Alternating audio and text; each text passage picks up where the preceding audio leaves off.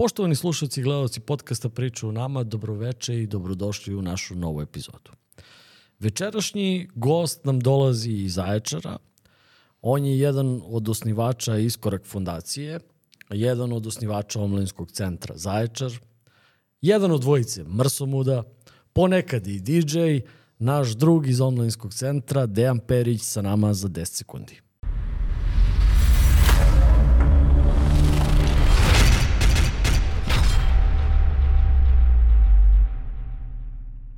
Ćao Dejane, dobroveče. Zdravo, dobroveče ili dobar dan, ko kako bude slušao ovu emisiju. I to je tačno. Da. A, Mrsumuđin je uskoro ponovo na, na Facebook kanalu. A, kada mi budemo emitovali ovu emisiju, već će biti emitovana prva epizoda a, Mrsumuđinja. A, isti sastav, ista ekipa, Jeste na iznenađenje mnogo brojnih obožavaoca. Kolega Vorda Višnjarski i ja smo odlučili da krenemo u drugu sezonu Mrsomuđenja. Ovo je od srede, pa vidjet ćemo koliko ćemo epizoda da izbacimo. Ovo je kao post-koronarna sezona. Znači, Vorda, Vorda se vraća kući. Vorda se vratio trenutno, da, i tamo smo iskoristili taj luft da, da snimimo nešto. Dobro, on će verovatno da radi i na, i na svojim muzičkim projektima koje, koje da, ima. Da, uveliko, uveliko. A, ja se nadam da ćemo u jednom trenutku uspeti i da ga ugostimo, a možda vas i zajedno ugostimo kao ekipu Mrsomuđenje. Da ne, Možda i... napravimo priču nama Mrsomuđenje jedno. Tako je, može jedno, jedno video Mrsomuđenje da... da video da, Mrsomuđenje. Da. Dobro. Deki, ajde o mnogim stvarima si pričao, često si bio, često si bio gost uh, i podcasta i nekih televizija i nekih tribina i to je sastavni deo NGO sektora, ali uh, vrlo malo si imao prilike negde da pričaš o sebi, uh, o, ja bih volao za one koji te ne znaju da nam kažeš uh, koju si školu išao, koju si školu završio, kako je, pa da onda malo pričamo i o tome kako je došlo do, do ulaska u taj NGO sektor i kako je došlo do uopšte ideje za, za prvo omladinskim centrom pa sve dalje. Mikrofon je tvoj. Dobro, sad da se vratimo u rano detinstvo. U rano neko, detinstvo. Oh, da li vučeš neku traumu? uh, sad će da se čuje. Za ovih sat vremena koliko bude emisija trajala.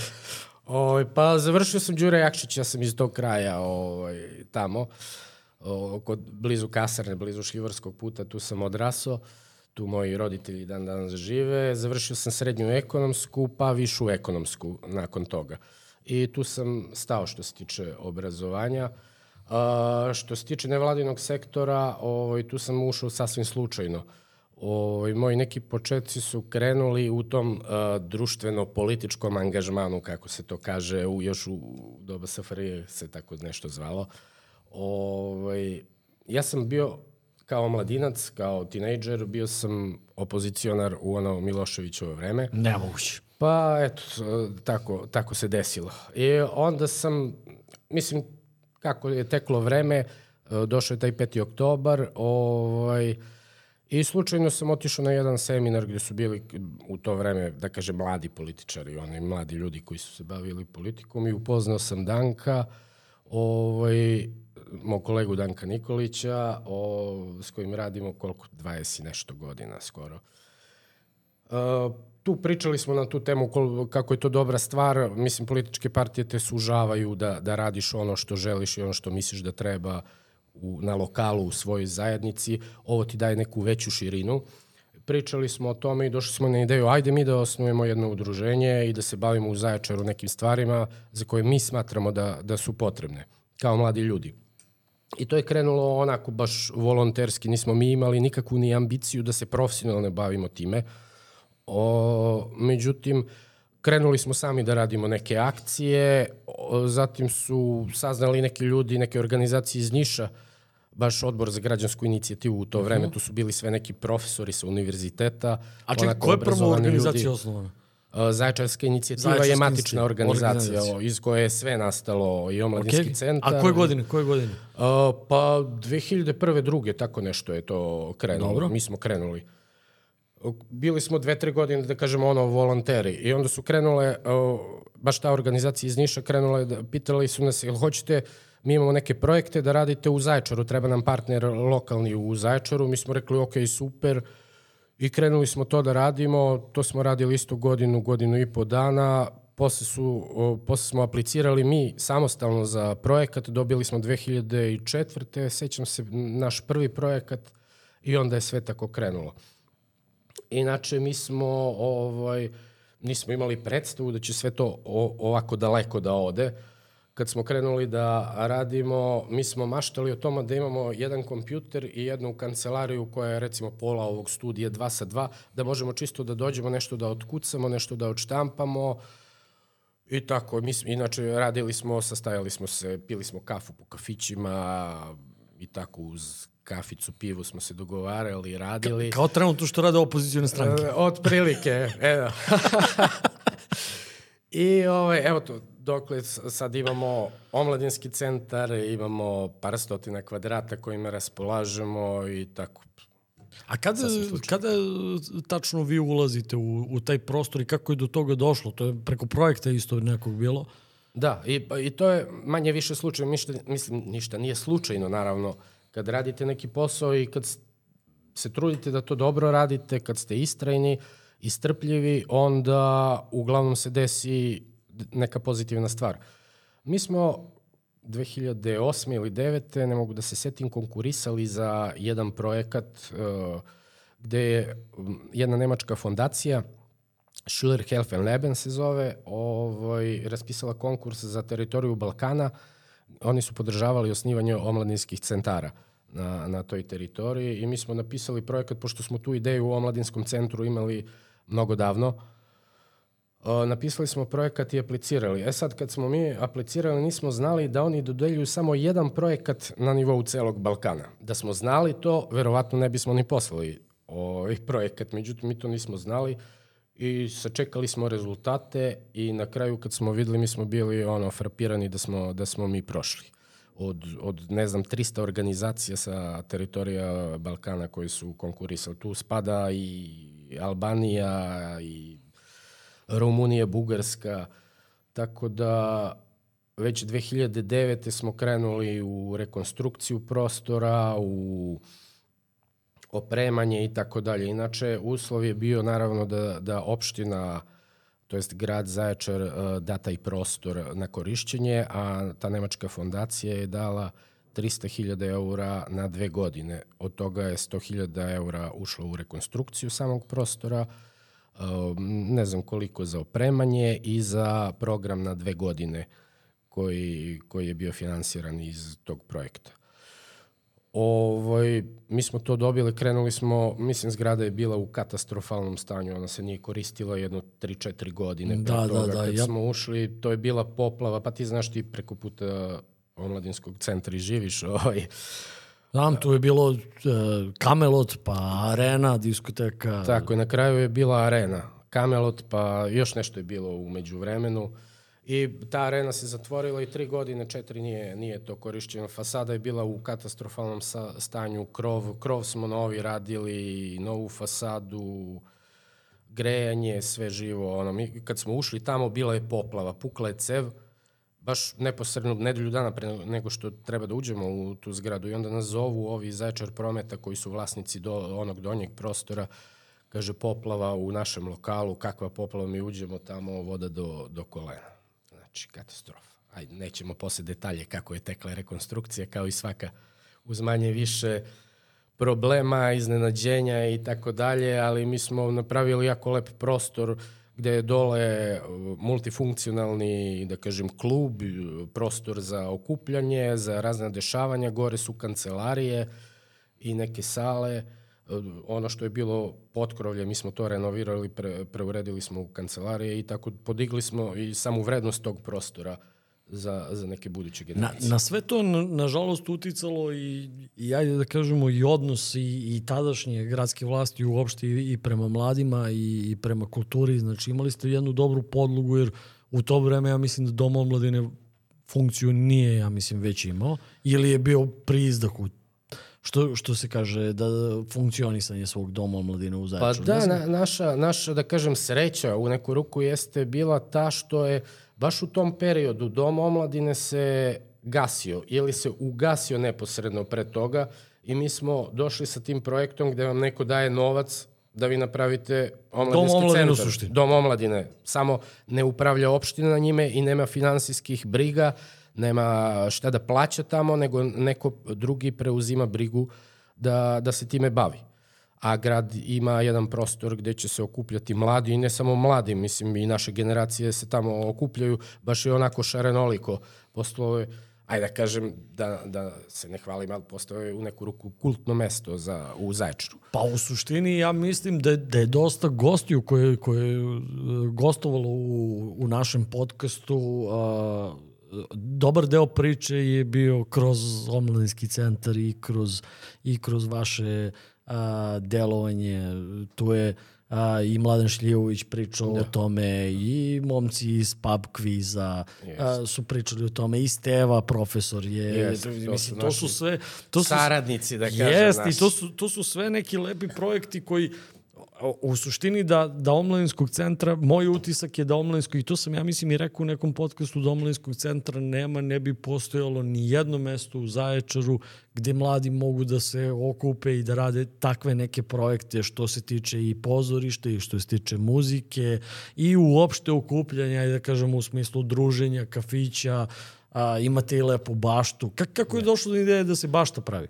Uh, sad ću samo da, da mislim, da nema omladinskog, možda bi se nešto drugo otvorilo. Moguće. Ovaj, međutim, uh, to je ono što lokalne samouprave ne razumeju. Znači, danas su tendencije da vi, nije poenta da opština napravi dom omladine, dom kulture, dom, poenta je dajte da iskoristimo neki prostor, da pokušamo da nađemo neke fondove da, da to renoviramo, opština daće i ona svoje, svoj udeo u tome, ali dajte da to neko upravlja, neko udruženje, neka grupa entuzijasta, da, jer vi ako kao lokalna samouprava uh, upravljate time i sve to finansirate, znači vama treba od kafe kuvarice do, ne znam, do direktora i sve to mora da bude po rešenjima, onako kako lokalna samouprava I ne bi ni mora... dobili, ne bi ni dobili u sistematizaciji to toliko radnih mesta, jer sad Da, to ide od ozgo se od ozgo se vuče što se tiče Da, između Republike. ostalog, tu bi moralo da radi, ne znam, 15 ljudi,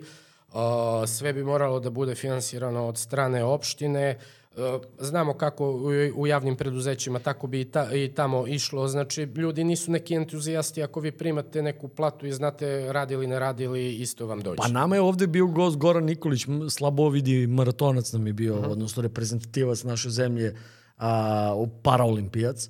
I, I on nam je pričao o a, centru koji su radili u Kragujevcu. I isto je grad uradio centar i onda na kraju, na kraju se ispostavilo da ni jedna osoba sa, sa invaliditetom, čiji je to centar trebalo da bude, nije, nije zaposleno u tom centru, nego su zaposleni ljudi da. po, po partijskoj liniji. I to je ono što, što u suštini i, i ne valja. Umesto da su dali tom udruženju koje je krenulo to da radi, da, da, da vodi račune, jer sigurno bi vodili, jer njima je bitno da imaju sale za trening, paraolimpijaci i tako dalje. Oni su dali ljudima koje je baš briga, koji su tu da primaju platu. Naravno, i plus bi oni pisali projekte i prihodovali bi neki novac sa strane Sigurno. iz, iz raznih fondova. Sigurno. Ali to, nažalost, tako, ovo što si rekao, to tako ide kod nas. Ovde, recimo, u ovom konkretnom slučaju, ja mislim baš da je Delta fondacija ogromne pare dala za izgradnju za svega izgradnju, toga, Da, oni ali finansiraju tako nešto.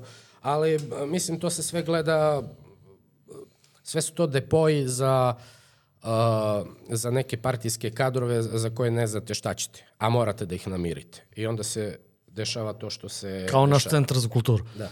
A, a, između ostalog, da ne ulazimo u, u te teme o javnim institucijama. Pitao si me za baštu. Uh -huh. o, pa, mislim, mi od početka imamo, od kad smo došli tamo, mi imamo ideju da, da je onaj prostor koji je bilo smetlište, ti znaš, prolaziš često tamo, to je bio korov, kontejneri, đubrište, koje Kao stoje kaže predsjednik, zmije, pacovi i narkomani. E, e, to, to. Samo nije bilo narkova, ali pacu iz su bile. Ovaj, međutim, da biste sredili takav prostor, potrebno vam je malo više para. E, onda smo u nekom trenutku videli neki konkurs kod Giza, isto jedna nemačka, sticam okolnosti, opet nemačka ovaj, razvojna e, sad, agencija. Sad, odlično si mi se namestio ovde sa, sa pričom Gizom i pre nego što nastaviš da pričaš o bašti, a mnogi su mi dali zamerku kada, kada su bile devojke sa rajačkih pivnica. Uh mhm. -huh. Mi smo celu a, veče pričali o Gizu, a nismo objasnili šta je Giz. Giz je nemačka razvojna agencija, kao i USAID. Znači, to je ag agencija koju formirala vlada i ona pruža međunarodnu pomoć širom sveta iz, sredstva su iz vlade Republike Nemačke. E, mislim, jednostavna priča.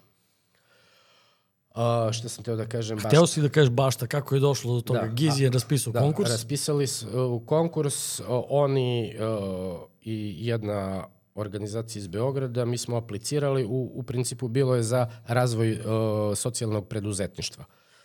Ovo, ovaj, mi smo aplicirali, dobili smo napravili smo po tom projektu. Mislim, baš ta jeste lepa, ovaj, zato što nam je jedna dizajnerka, arhitekta iz Beograda ovaj, nacrtala to.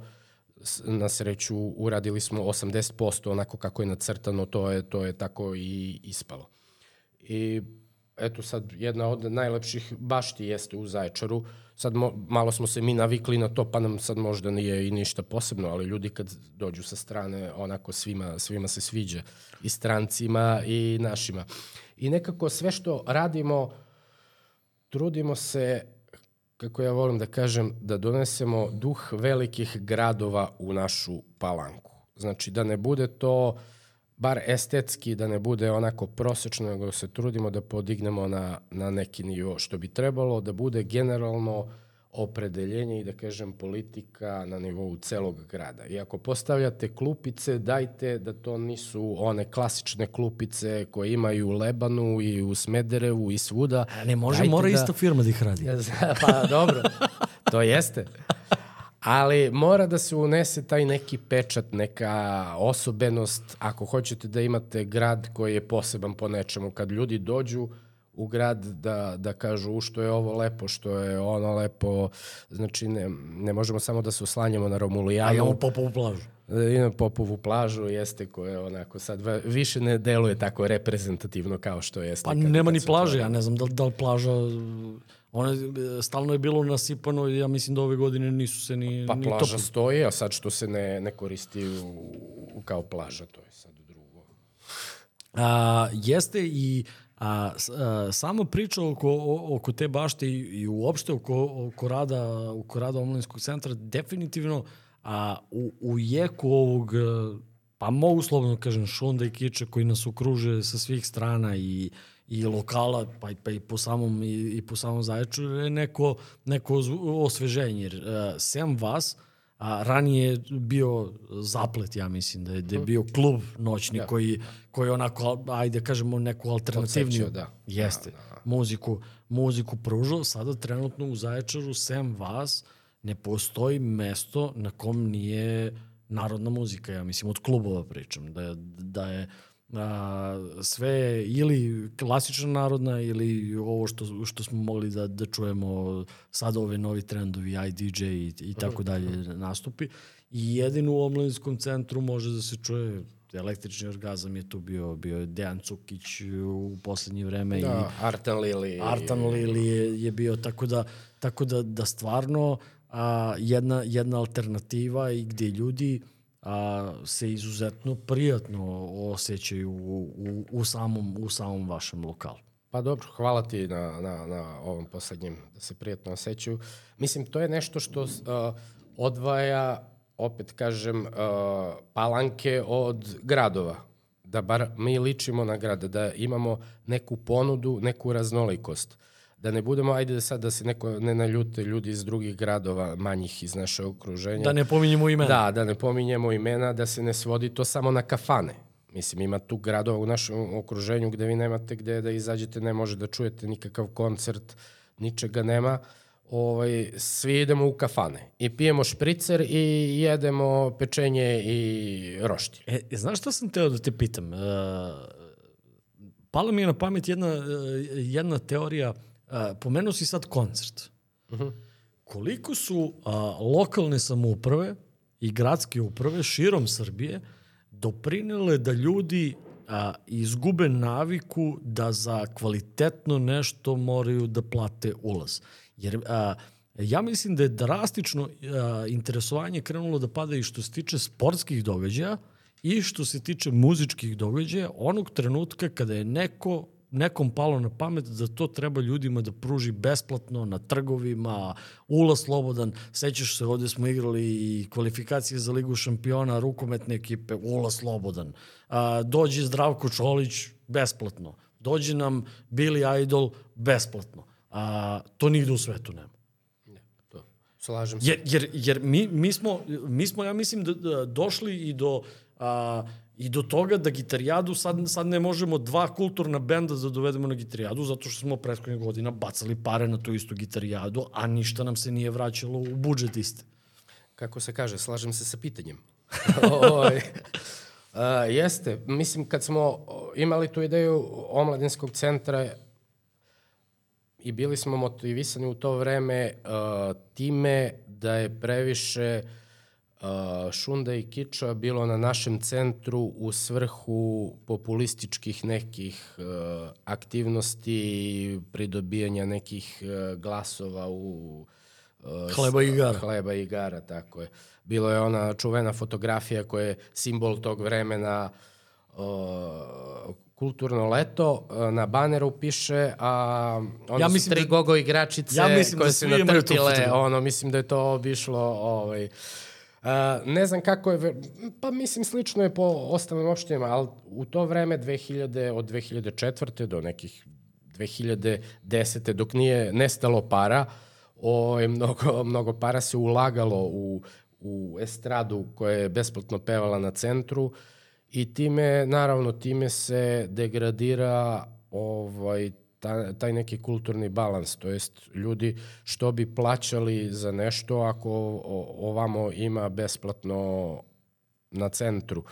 Kad, kad smo mi bili klinci, kad je gitarijada bila besplatna? Pa ne, ja, se, ja se ne sećam da je nije, gitarijada, i to, i to su bile ono vrednost karte kao kad bi uporedio sad da odeš na, na Exit recimo. Tako, ka, pa možda ne na Exit, ali kao da odeš na dane Zorana Radmilovića, tako nešto je bilo.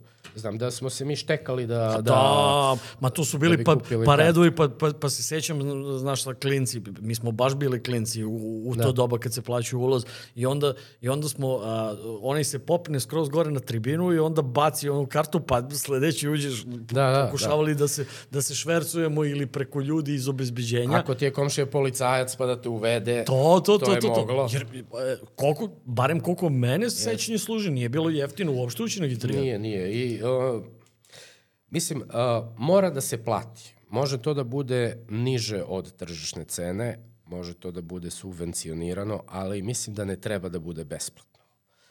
Ovaj, što, bi, što bi sad svi građani Zaječara plaćali uh, neku pevaljku na centru, a dođu da slušaju... Ili Billy Idola. Ili Nije... Billy Idola, da, potpuno isto. Mislim, mora nešto da se plati. Billy Idol nigde ne, ne, ne svira besplatno ajde što nigde ne svira besplatno, nego on ima one fanove svoje, jedno, jedno dve, tri hiljade koji idu na svaki koncert i da. koji daju uvek da. realnu cenu karte. Da. I, ti, I ti sad, ako, ako oni kažu da je, da je recimo 10.000 ljudi bilo na, na, na Billy Idol ili 20.000 ljudi, da je karta bila 1000 dinara, što za muzičara tog ranga nije ništa strašno, Tako. što, što 1000 dinara da je bilo, oni bi vratili uloženo u koncert Billy Idol. Tako. Znači sledeće godine bi mogli ponovo da razmišljamo o a, zvezdi tog ranga. Pravi se neki fond koji se ulaže sledeće godine i tako svake godine. Ovaj, e pa zato je gitarijada tu gde jeste. Znači, to je jedan od razloga. I ovi koncerti na centru su bili besplatni dok je bilo para i onda su došli do toga da više nema para. I onda se samo za novu godinu organizuje, pa čak ni tad. I, i tako to ide. Znači, uh, Uh, mi pravimo po, po Temkinova sela i što se toga tiče, radimo nešto što je neodrživo. Znači mora da se plati, mora da se vodi računa o održivosti svega toga. Nije poenta da mi to radimo 2, 3, 5 godine, poenta je da to traje 20-30 godina. Da, sad nam svako selo ima manifestaciju. Pa dobro, ok, mi mislim, treba imati manifestacije po selima. Apsolutno ali... se slažem, ali, ali tu, bi, tu bi stavio jedno, jedno veliko ali, jer a, meni su ovde sve manifestacije koje se događaju po selima apsolutno iste. Znači, da li se zvao vražogrnački točak ili se zvao nekako drugačija manifestacija, ona se svodi od igranja folklora i posle jeće i piće posle te manifestacije. Nema ništa svoje autentično znam, svako mesto. Znam. E sad, to je malo pitanje, iskreno nisam toliko upućen u to, ali pitanje je šta ti ljudi u selima žele. Da li je to o, što, to, to što oni žele? Mislim, A pazi, u, da li ako, neko ako, pita uopšte ako u nekom, žele? Ako u nekom trenutku nemaju ništa, onda bude nešto... Da, onda daj šta daš. Jasno, jasno. A, mnogi projekti su, su rađeni od, od strane Zaječarske inicijative i, i kad smo već pomenuli e, gitarijadu koja, koja se održava u Park šumi Kraljevica, a, vi ste pokrenuli inicijativu i a, koju smo mi posle kasnije kao odbornici i podržali u Skupštini, a i snimili ste film o, o Park šumi Kraljevica. A, posle toga su i krenule e, priče o, o nekim istražnim radnjama na, na teritoriji Park šume Kraljevica.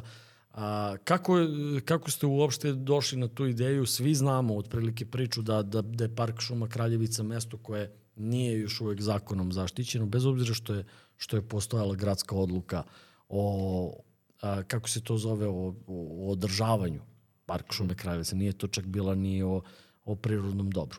A, to ste radili zajedno sa, sa Dejanom Vučkovićem, ja mhm. mislim da je, da je mhm. bio ceo, pa bi volao da nam malo više kažeš o, o celom tom projektu i, i, i tvoje neko mišljenje, dok se stalo s time, koji, koji su neki sledeći koraci, da li ima neki sledeći korak vezano za Park šumu Kraljevica? Pa, neka generalna ideja vezana za Kraljevicu naša je bila da mi gledamo godinama kako ljudi rade ili najavljuju da će raditi tamo šta god im padne na pamet. Pre svega, mislim, gradonačelnik, naš gradonačelnik Zaječara, znači, to delo je kao sad mi sedimo u kafani i sad Ma sad ću na Kraljevicu da napravim ovaj, kako se zove, rock muzej. Pa sutra dan ima da pravim uh, to plano na pelet i na ove sečku. sečku. Pa onda će da se pravi, ne znam, ne znam šta je sve bilo. Pa bungalovi, pa onaj prostor za gitarijadu, pa stadion, pa, pa, pa karting staza. Pa karting staza, jeste. Uh, Je, znači, to se bez ikakvog nekog plana, bez ikakvog promišljanja, otprilike ko kako priđe stolu i naruči e, špricer litar na litar, tako naviru ideje i to se najavlju. Sreća, ništa od toga naravno nije, nije ostvareno kao i mnogo toga u, u celom gradu. Osim bungalova. Ovaj, osim bungalova, da. I dobro, stadion je, da kažem, republička akcija, aktivnost. Inače bi možda, verovatno, ostali samo šipovi o, ovaj, od... A pazi, ti malo prepričaš u klupama i kažeš da li moraju sve, sve da bude isto. Mora stadion je bude pa da, ajde, njih ima pet, a klupa ima 100.000 u, u celoj A, si vidio da je bilo naslov da su pomešali stolice? Da, da, da, da su Timoku stavljene zelene stolice, iako je Timok plavo-beli, a da su plave stolice u Loznici gde su oni zelene, zeleno-beli. Pa dobro, razmenimo kamioni na čestobrodicu tamo da, da pretovare stolicu. To, to, to, to se desilo. Jedino je Dubočica, ja mislim, Leskovac dobio prave, crvene. Koje, crvene, koje, da. pa dobro, desi se, pogreši čovjek. I ovaj, mi smo nekako bili u tom grču da, mislim, ko zna šta kome može da padne na pamet. Ne samo sadašnjem gradonačelniku, nego može da dođe neko ovo još gori, što je možda malo teže, ali možda recimo dođe neko pa do, ko zna šta da hoće da zida, da pravi Eiffelov toranj repliku na... Ne, ne postoji ovaj, nikakva procedura, da, znaš. Da, da.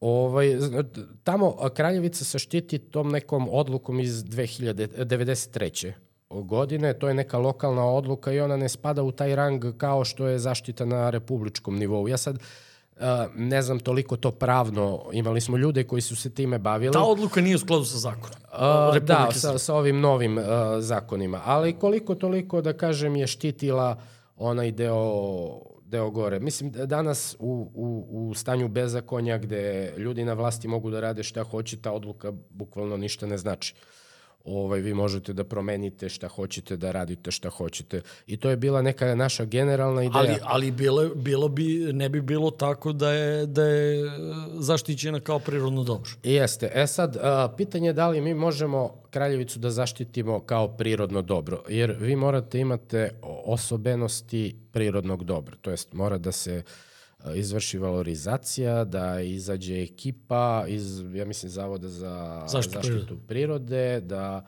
pogleda koje su to osobenosti Kraljevice. Možda mi nemamo ništa za, za taj stepen uh, Po- i to nije vredno možda na republičkom nivou da bude park prirode, recimo. Ali ne park, ali, ali prirodno dobro može da bude. Pa ne znam, Razgovarao sam sa ljudima iz, iz Zavoda za zaštitu prirode. Ovaj, to, to, to treba videti, ali nama je Jer, bitno. jer u suštini ne donose oni odluku.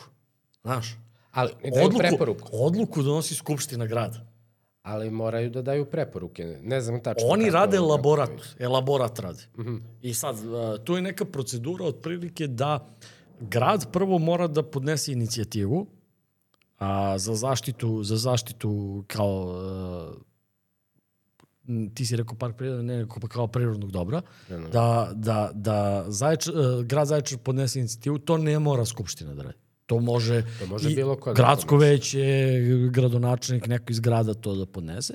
I onda oni u, uh, treba da uvrste, odnosno oni po automatizmu, onog trenutka kad se otvori mesto, oni uvrste Kraljevicu u tu svoju sistematizaciju procene izrade elaborata. E sad, to bi otprilike bilo da mi sad se to dogovorimo i podnesemo njima, to bi verovatno bilo 2024. ili 2025. u tom sistemu. Kada oni završe elaborat, oni šalju elaborat Skupštini grada Zaječara i onda Skupština u suštini usvaja kad, kada se radi o, prirodnom dobru na teritoriji za, za uh, park šume, uh, odnosno za uh, prirodni nacionalni park, to je već neka druga Da, to je procedura. već viši stepen. Jeste, to je već neka druga procedura i to donosi Republika. Ovu odluku na kraju ipak donosi grad. Ali, nažalost, mi smo imali tu situaciju da grad nije hteo ni inicijativu da, da podnese. Uh, mislim, čak i da Kraljevica nema nikakvu osobenost prirodnog dobra, nama, je, nama jeste prirodno dobro, zaječarcima. Ovaj, ne bismo voleli da na vrh Kraljevice vidimo neke neke građevine, neko čudo da nas zatekne i tako dalje. Onaj deo, ok, ovaj deo koji služi za spor, uh, u sportsko-rekreativne svrhe, gde ima puno terena, sportska hala, evo sad je tu i stadion, ali taj deo iznad mislim da ne treba, ne treba dirati, jer to su ono što kaže ajde, floskula pluća našeg grada. Pa jeste, neko, neko je neki trud uložio da, da to da. mesto pošumi. To je bila... Tako, bilo je Brisan go, prostor. golet, brisan prostor koji je ovaj, doprinosio i poplavama gradu i u to vreme i tako dalje. Ali to mora se, mora, mora se održavati kako treba, mora da se zanavlja i, i drveće, šuma i, i tako. E sad, 2000 novembra, čini mi se 2021. nas je sve zatekla ovaj dokument koji je procureo iz opštine gde je čerka firma Ziđina obaveštava opštinu da kreće sa istražnim radnjama na toj i toj parceli po znacima navoda Kraljevica. I svi su ukucali u katastar uh, broj te parcele i svima je izašla parcela na potezu uh, Belog brega. Da, tamo nekako, da. ka, Nikoliću. Da. I svi su odahnuli, kao, a, to je tamo. Ma gde su odahnuli? okej, Dobro. Ali, ali dobro, kao nije, nije Kraljevica. Nije Kraljevica. Samo se zove tako, verovatno, znaš. Međutim, mi smo malo istraživali i shvatili smo da u dopisu piše taj, taj broj uh, Kraljevica uh, koji se vodi pod tim i tim brojem u katastru Ministarstva rudarstva i energetike. I onda vi kad odete na sajt Ministarstva rudarstva i energetike koji ima uh, poseban svoj katastar. Znači, to nije ovaj katastar gde se vode naša imovina, nego je uh, poseban katastar tog ministarstva i ukucate taj broj parcele i izađe vam vrh Kraljevice. Znači, to je sam vrh Kraljevice. Oni obaveštavaju, u, u tad su obavestili da počnu sa istražnim radnjama. Vidim da se ništa ne, ne, ne dešava tamo, ali to ne znači da, da neće. To istraživanje mogu da traju godinu dana, mogu deset godina, mogu da krenu za dve godine, mogu za dva meseca, mogu za, možda nikad i ne krenu, ali mislim da ovaj, mi kao zaječarci to nam uopšte ne bi odgovaralo da se tu vrše istražnje radnje u svrhu eksploatacije, jer ako se rad, vrše istra- istražnje radnje, oni to ne rade da bi igrali futbal tamo, nego da bi eksploatisali rudu. Znači da ćemo imati kop uh, iznad, iznad grada, što bi bilo katastrofa za, za naš grad. Ili ispod grada? Ne znamo, ne, znamo, ne znamo na kojoj dubini. O, iznad grada ćemo da vidimo o, onako jalovinu, mesečevu površinu. Dobro, imamo prilike tu na, na, vrlo blizu Zaječara imamo prilike da vidimo kako to, kako to izgleda i, i što se tiče RTB Bora i što se tiče, mm. i što se tiče Majdanpeka. Ja ga često poredim sa, sa Mad Maxom. Da. To, to mi onako one apokaliptične scene izgledaju otprilike i nije, nije to lepo posebno ako se uzmu u obzir da, da, da na Zaječarskoj kraljevici postoje i, i bastioni, odnosno tvrđave. Tako. A, ima, ima ta, e, ovo što si rekao u celom ovom haosu oko smoga, zimi, to, to su jedina pluć, to, to je beg zaječaraca negde, što se kaže, priroda na, na 200 metara od centra i mislim, stvarno bi bilo katastrofa da neko da da se to a, da se bilo šta radi. Katastrofa je bilo i ono pozajmište, ono uzimanje, da, da, da. uzimanje materijala.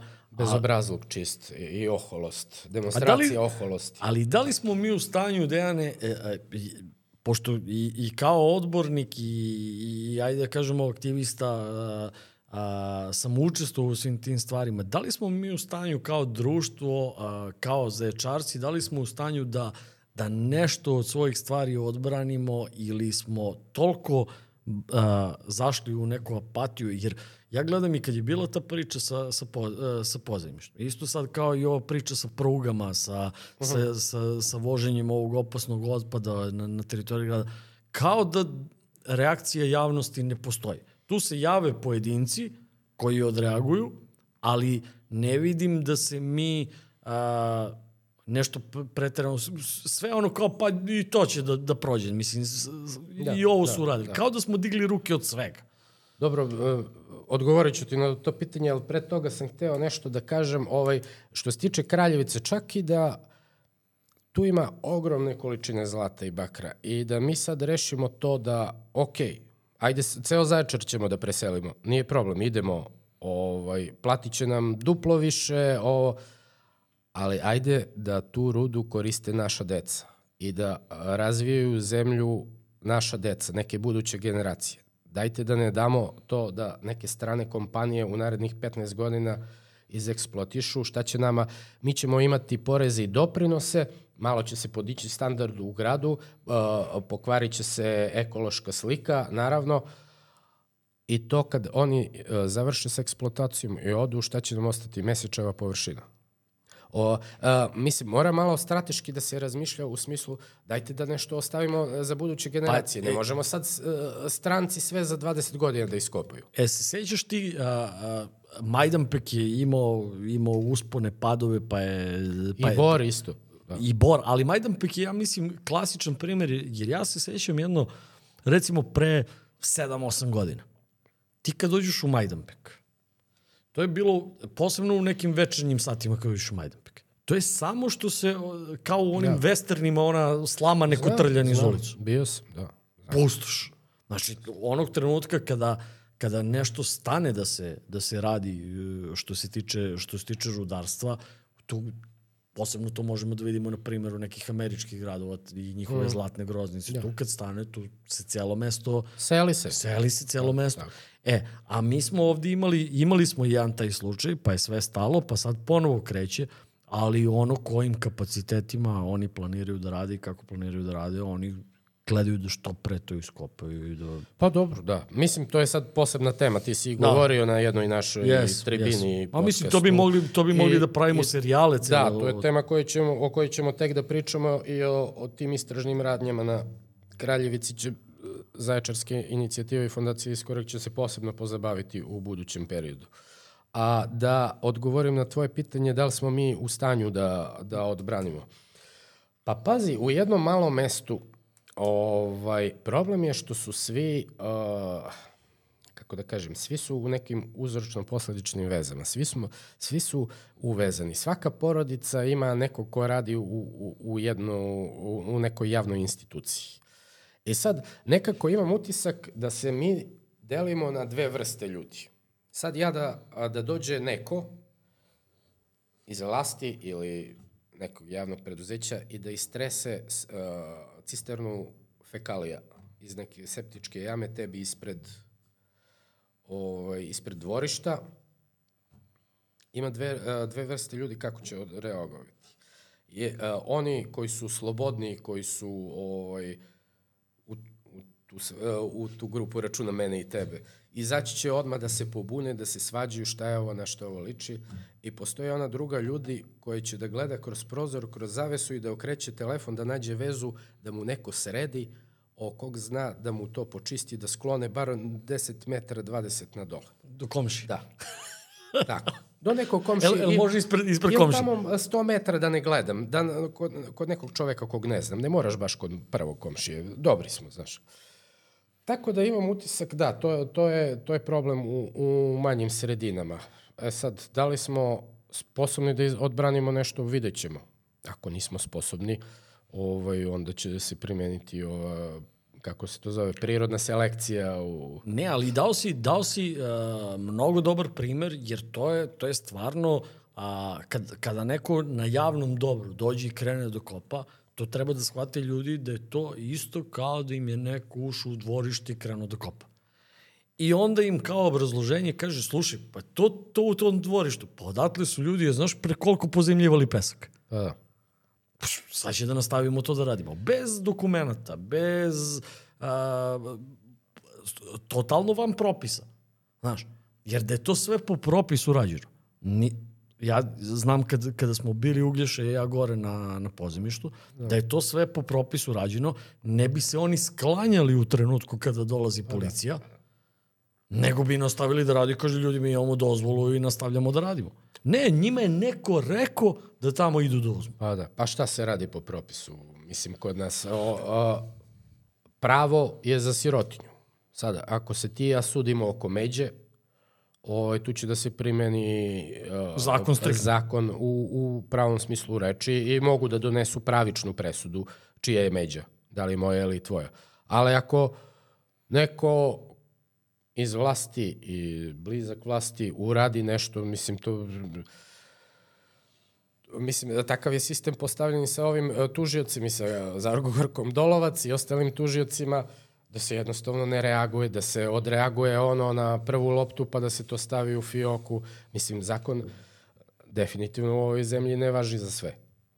Vlast može da radi šta, šta hoće. E sad, eh, na početku priče, na početku priče si rekao o tome kako si bio aktivista za vreme Slobodana Miloševića, odnosno bio opozicioni aktivista ka, kao i mnogi od nas u, u celoj toj priči. Mm. A, mene interesuje, pošto radite Zaječarska inicijativa i drži omladinski centar i mnoge radionice su kod vas i radite i, i ja mislim simulaciju parlamenta, odnosno izbora. Simulaciju izbora po školama, jeste. Jeste. A šta se dešava sa, sa našim mladim ljudima? Znaš, a, nekada a, imam utisak da je u našim generacijama a, bilo uvek a, klinaca spremnih i na, i na bunt i na pobunu, jer pazi, ti si u tim godinama si a, ne odgovaraš ni za porodicu, nemaš ništa za sebe, uvek možeš da staneš, znači sam si za sebe i to je uvek bilo najlakše da ti budeš bunđija u tim godinama, u tim godinama tineđerskim. Meni, ja imam utisak, ja imam utisak da njih nema uopšte u društvenom životu, a kamoli, kamoli u političkom životu, da su, da su svesni da stanu, da, da, da zaštite neki interes. Njih najmanje ima i kad, i kad vidiš neki, da li je ekološki, politički, ovaj ili onaj protest, mada su svi protesti politički, kada, kada vidiš neki protest i tu sad vidiš neke stare ljude, mislim, mladih ima najmanje. Pa najmanje, a, to je jako teško pitanje. Kad bi znali odgovor na to pitanje, ovaj, onda možda bismo i rešili taj problem. kad smo mi bili mladi, to jest kad sam ja, ajde, ja sam stari, ovaj, bilo je malo drugačije vreme u smislu da je zemlja bila zatvorena. Znači, mi smo bili u getu koji se zvao Srbija i ti nisi imao izlaza. Nisi mogao da izađeš iz zemlje. Bile su sankcije, bilo je trebali su vize svuda, nije, nisu postojale ove tehnologije kao danas, internet i, i društvene mreže. Ovaj, I nekako ti nisi imao perspektivu nikakvu. Znači, znaš da ćeš biti tu, ne možeš da odeš, a tu gde si nemaš nikakvu perspektivu. Mislim, i onda kao mlad čovek normalno je da, da, da se buniš. Ako si, da kažem, ako imaš tog slobodarskog eh, buntovnog duha u sebi, neko naravno, mnogi nisu se ni tada bunili, ovaj, živjeli su neki svoj svet. Tu su direktori. Tako da, ovaj, ali bilo je puno, jeste, bilo je puno i mladih ljudi koji su se bunili, koji su se bavili i politikom, bili su aktivni, mnoge od njih i ti i ja znamo, ovaj, koji su danas odrasli ljudi, roditelji, ljudi sa, koji se bave poslovima, karijere, imaju svoje Ovaj, danas nekako mladi ljudi ono, ne, vide, ne vide izlaz, ni mi ga tad nismo videli toliko, ali o, mislili smo da će to da traje celog života u jednom trenutku. Ovaj, danas uh, mladi ljudi imaju tu opciju da mogu da odu. Zato, Horgoš. Da, zato toliko i odlaze. I neće da se valjaju ovde po blatu, vi vidite nešto, kažete, protiv vlasti, protiv, ne znam, gradonačelnika, nekog iz lokalne samuprave, tu, znači, spreman je, uh, kreće mašinerija, nije spremna je da vas valja u blato, da ste vi, ne znam, od uh, homoseksualca do, ne znam, najgoreg kriminalca, da meljete ljude, da ne znam šta, šta god. A još ako držite neku firmu, tu idu i... Pa da, da, da, i ti pritisci. To, toga je bilo i tad ovaj, za, za one koji su se bavili privatnim poslovima, a sad tek, naravno. Ovaj, zato, zato nema ni preduzetnika koji se bave politikom, svi izbegavaju. Vi danas ne možete da nađete preduzetnika koji će da vam da izjavu kako je stanje ovaj, razvoja male privrede u Zaječaru. Niko neće da vam da izjavu. Mi smo radili taj pod, radili smo podcaste na tu temu, nećemo o tome sad, ali recimo radili smo to i nema ko da vam da, prosto Vezano za privredu. Vezano za privredu. Niko neće, jer svako, neko će e, čuti iz vlasti i odmah će da mu pošalje inspekciju. Tako da, ovaj, ne znam, evo u politici koliko ima privatnih preduzetnika. Jako malo. Jako Gotovo da malo. da nema. Gotovo da nema. A nekad je bilo 90-ih. Pa a, privatnih preduzetnika, to, to sam pričao i sa, i sa Irenom kada je, kada je gostovala u, a, u podcastu i sa još nekim ljudima, privatnih preduzetnika nema nigde.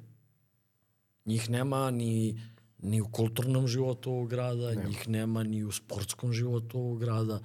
Znaš, nekad, nekad su postojali čuveni zadužbinari, pa da. ostavi nešto gradu, pa se, pa se uloži u neki sportski kolektiv Mislim, sportski kolektiv nema nikakve veze sa politikom, da li ćeš da ulažeš u Timok 019, Mladost, Timok odbojkaški klub, Zaječar odbojkaški klub, ali ih nema. Jednostavno ne, ne, nema, oni su ostavljeni e, na milost i nemilost grada ili članarine. Ili članarine. Da.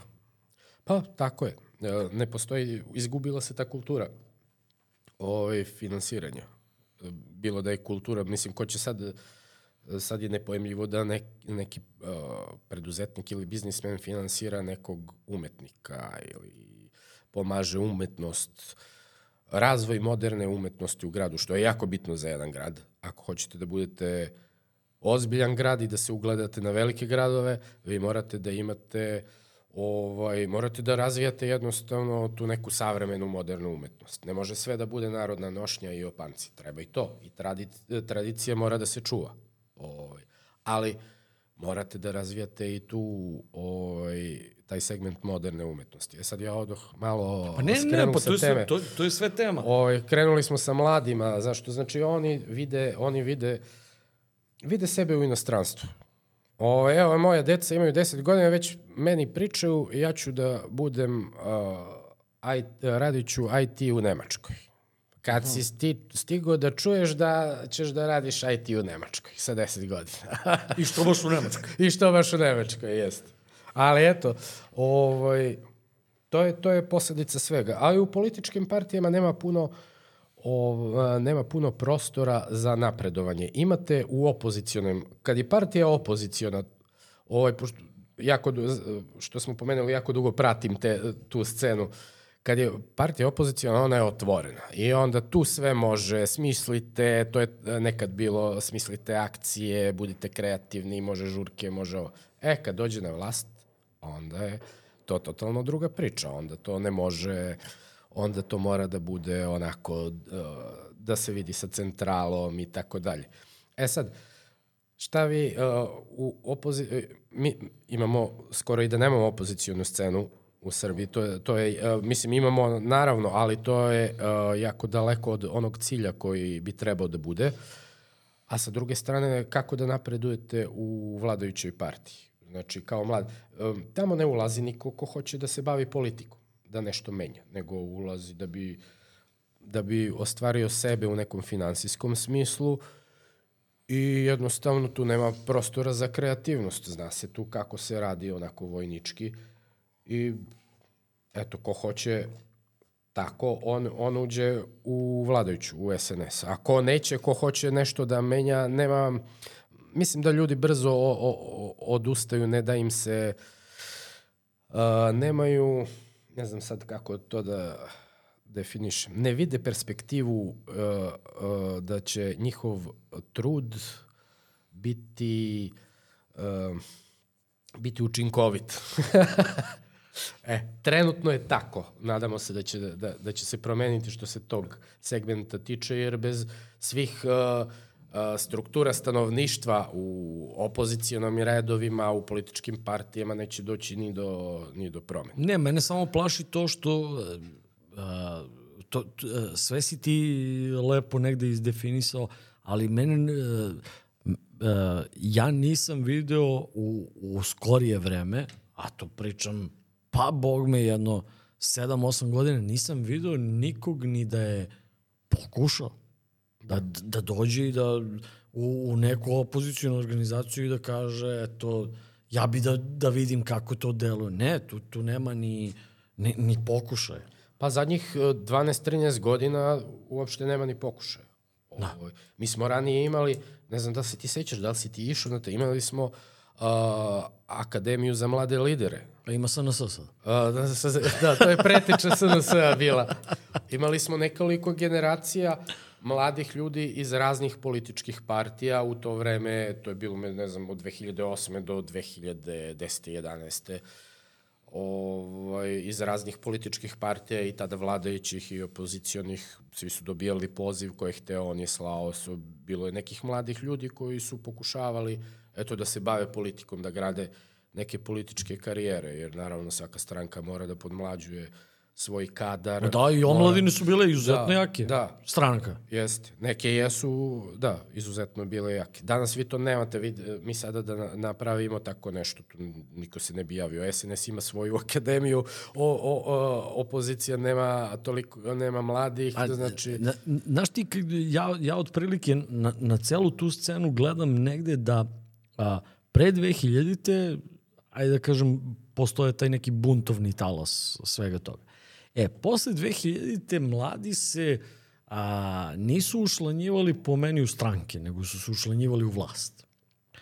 I a, odgoj ti neki, tih nekih mladih ljudi je bio u činovničkom fazonu. Nije bio sad da, da a, kao pre 2000-te da ih uče na bond, da ih uče na pravo mišljenje, nego to bi više bio, sve su te partije bile negde dobro ušuškane. E sad, Oni su samim tim što su, što su tako funkcionisale, počelo je laktanje i nedozvoljavanje nekim novim ljudima da prođu. E, I onda posle toga kad se srušila cela ta piramida, ostadoše ovi koji su se laktali, a ti što su se laktali otišli su kod ovih koji su sad na vlasti i onda je bukvalno cela opozicijona scena po meni ostala bez infrastrukture te mlađe.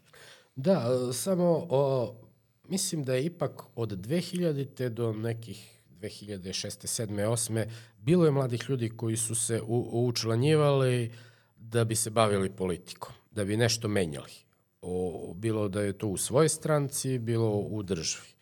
Kasnije je to krenulo da to bude čisto ono klijentelizam, čisto Pazi, klijentelizam. A, ne znam da li je bilo ljudi koji su hteli nešto specijalno da menjaju, ali da, bilo je ljudi koji su hteli da se bave politikom. Da, da. Dan, danas niko ne želi. I, I napravljeno je u našoj zemlji, nažalost je na, napravljeno to da je politika neka loša stvara i, i inače sve je samo stvar kako koristiš. To je kao u, u, u Star Warsu. Da li ćeš da silu koristiš za dobro ili ćeš da koristiš za loše? Može da bude jako dobra stvar. Pa dobro, naravno. Mislim, i kad ti ja sad da jedemo o, noži viljuška nam služe da sečemo Meso. hranu ili ja da uzem pa da te izbodem ovim, ovo sad sve zavisi naravno.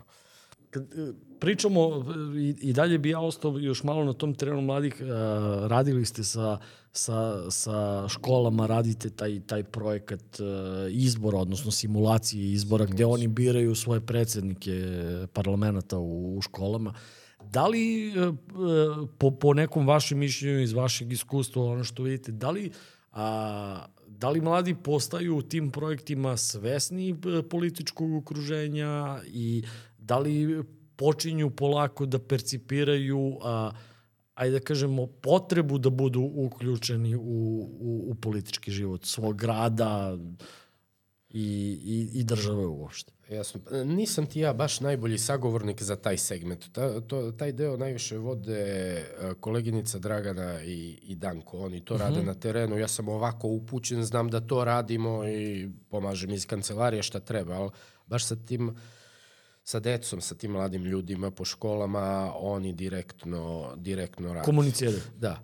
Ovaj, mislim, u svakoj školi ono što čujemo od njih, uh, bitno je da li imate nekog nastavnika koji je entuzijasta Znači, sve se manje više zasniva na entuzijazmu. Ako neki nastavnik građanskog ili filozofije ili šta god prihvati sociologije da, da, da se bavi tamo, da, da kažem da vodi taj projekat u smislu da animira a, te mlade ljude, da, sprove, da ih tera da sprovedu to kako treba, da bude zanimljivo, da bude kreativno, onda, onda je to uspešno i naravno Sad, nije da nema, a, nije da ne ostavlja trag kod tih mladih ljudi. Šta god, mislim, šta god da uradite u tim godinama mora da ostavi neki trag, da, da izvini, da dopre malo do, do svesti. E sad, možda to nije ovaj, neki rezultat uh, maksimalan, ali u svakom slučaju je koristan. Kako kaže Gutović, ne, ne škodi, a kad ne škodi znači da koristi. A, ja mislim da on imao rečenicu, ne znam zašto sam ovo ispričao, e, ali možda može kraju. nekom...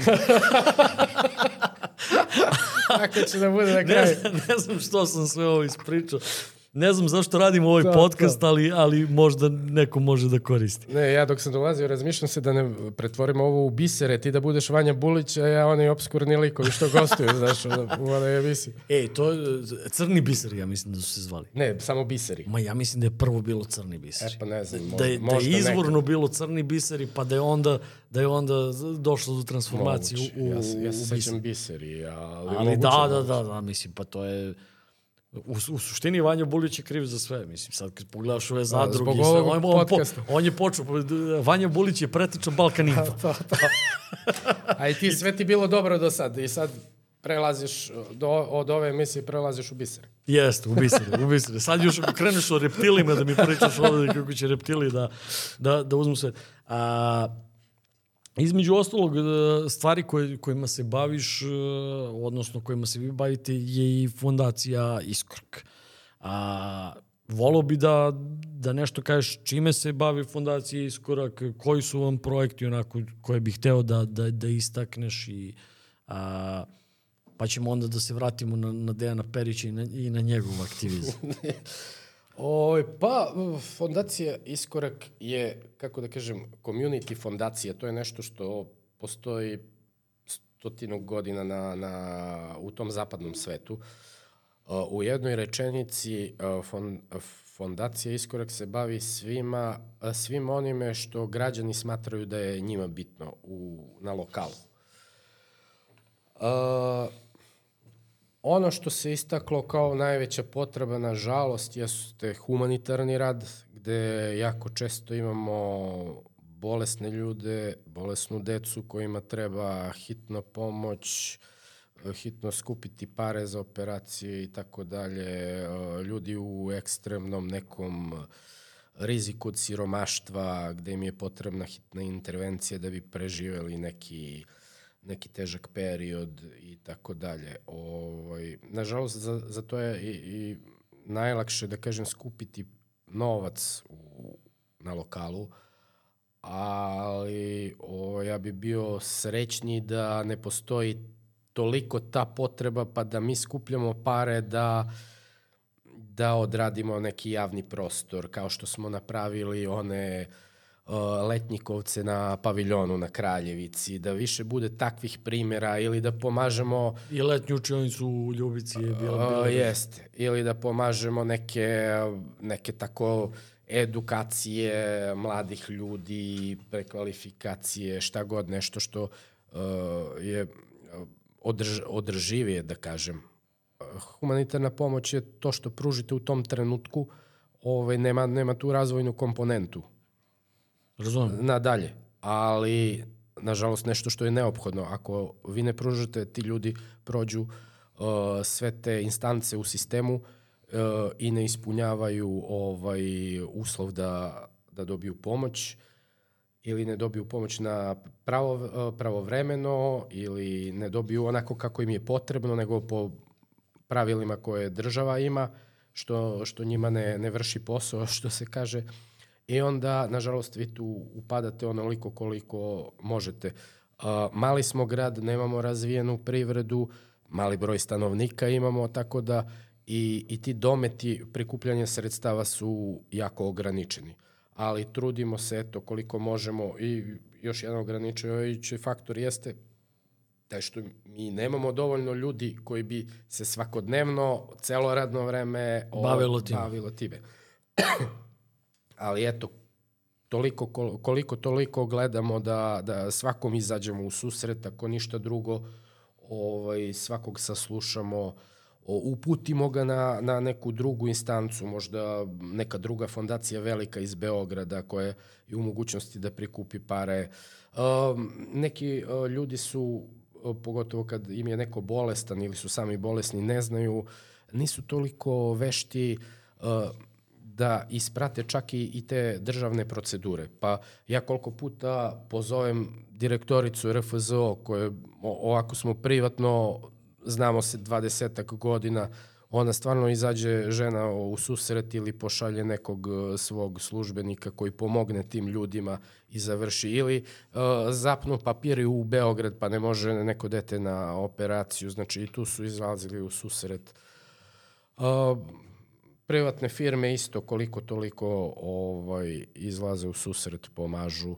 Ovaj, može to i bolje kod nas, međutim, iskreno i nismo stigli toliko da se bavimo, da, da posećujemo privatnike naše. Verujem da, da ne bi imali ništa protiv da pomognu u skladu sa svojim mogućnostima što se toga tiče. Sve to ide u, u korak s tim i u kakvom su, u kakvom su stanju, ajde da kažemo, i, i, ceo taj ne, nevladin sektor i a, za sve to trebaju neka sredstva i da, da bi se redovno obilazili privrednici ili u krajnjem slučaju samo zvali, je, je potrebno da neko provodi neko vreme, odnosno neko radno vreme da provodi, a A šta se dešava trenutno sa, sa nevladinim sektorom i kakav je prostor uopšte jedne, jedne mlade, male, ajde da kažemo, iz ma, ne male, nego iz male, iz male sredine, sredine, iz male sredine nevladine organizacije uopšte da, da dođe do, do, do, do fondova i, i, do, i do novaca za, za neke veće projekte?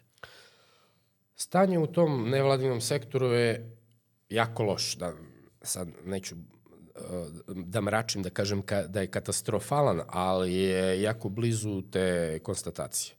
Znači, uh, neki trendovi zadnjih nekoliko godina jesu da uh, ovi bilateralni donatori, to jest neke međunarodne fondacije, razvojne agencije, uh, njima je najlakše da svoja sredstva odobravaju velikim beogradskim organizacijama, pri tome ne bi nikog da diskriminišem, ali jednostavno se ta 95% sredstava ide velikim beogradskim organizacijama.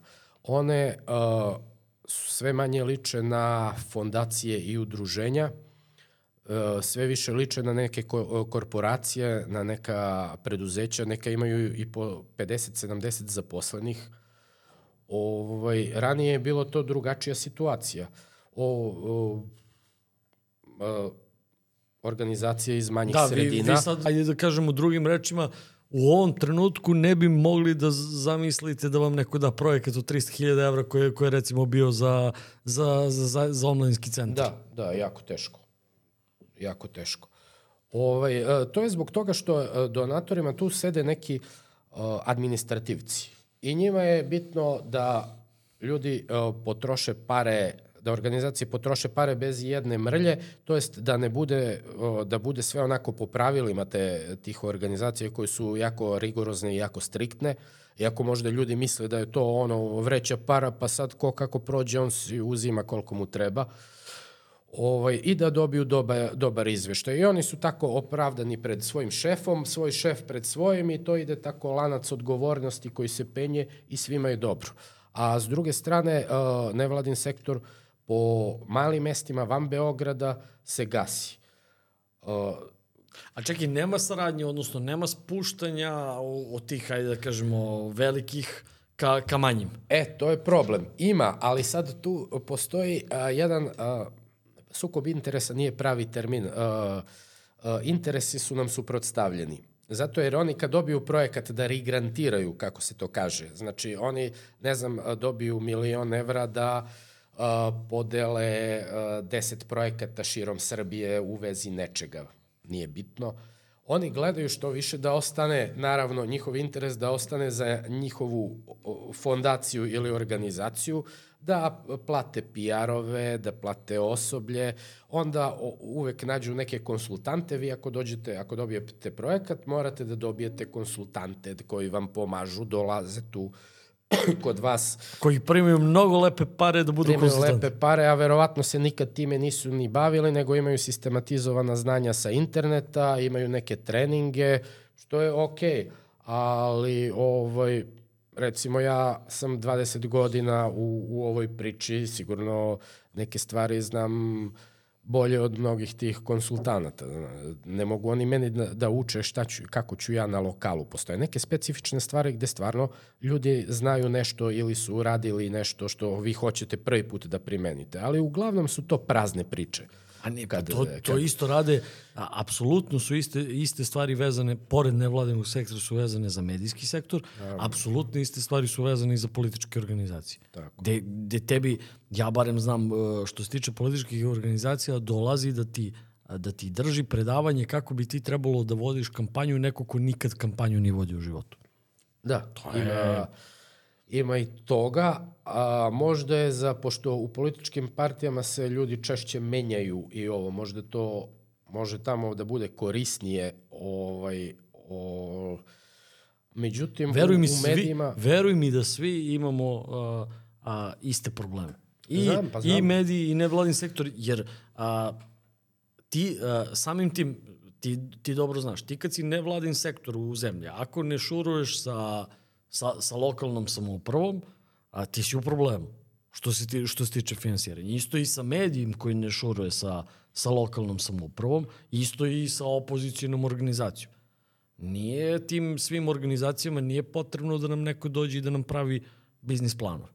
Da. Tre, potrebno je pomoć. Znam, za medije znam. O, ta, slika je potpuno identična što se tiče medija.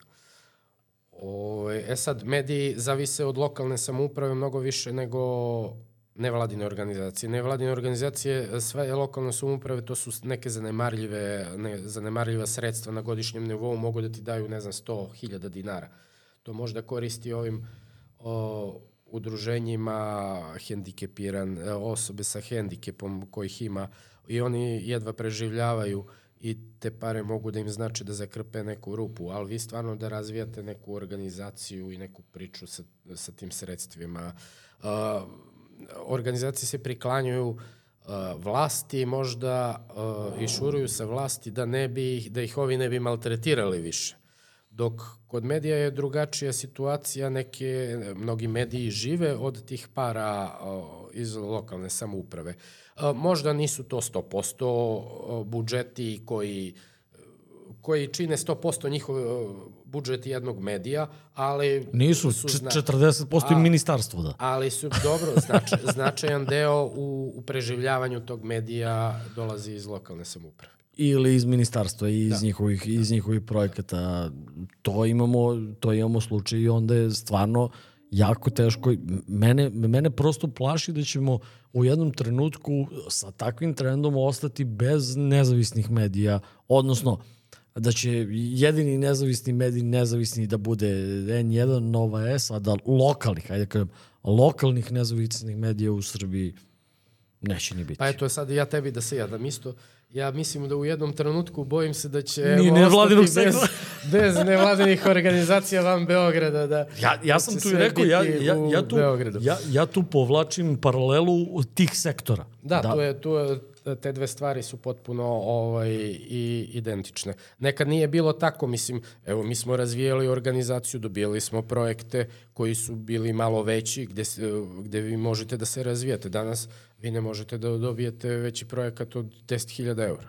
Mislim, nisam čuo skoro da je, da je neko dobio stvarno neki ozbiljan projekat koji može da vam obezbedi neku sigurnost uh, za budući period, da vam obezbedi da uposlite možda nekog da napreduje ta organizacija, da se razvija kao što smo se mi razvijali od 2004. da kažem kad uh, smo dobili prvi projekat pa do, do pre 4-5 godina.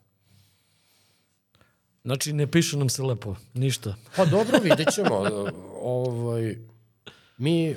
Pa ne, ali pazi, mi, mi smo ovde, ajde, ja kažem, krenuli, pričamo, mladih nema, mladi odlaze, nevladin sektor, tako medijska... Ima da kažu ovaj Perić mrači samo. Perić, Što? Pazi, mi se, izvini što te prekidam, mi se i tu ne predajemo. Mi nećemo da, a, hoćemo, mi skupljamo, da kažem, kolege iz raznih krajeva Srbije i hoćemo da napravimo jedan dopis i da pokrenemo bunu i u tom sektoru. Da, želimo da ti donatori promene način finansiranja, način razmišljanja, taj mindset i, i uh, modele razvoja nevladinog sektora, jer to ne može da se nazove razvojem, nego to je stagnacija i konstantni pad. Nećemo da dozvolimo da, da sve bude u Beogradu. Pa ne, ti, pa, pazi, nije, nije to samo što je, što je u Beogradu, nego što, što je de facto taj broj tih svih i nevladanih organizacija i medijskih kuća je izuzetno mali.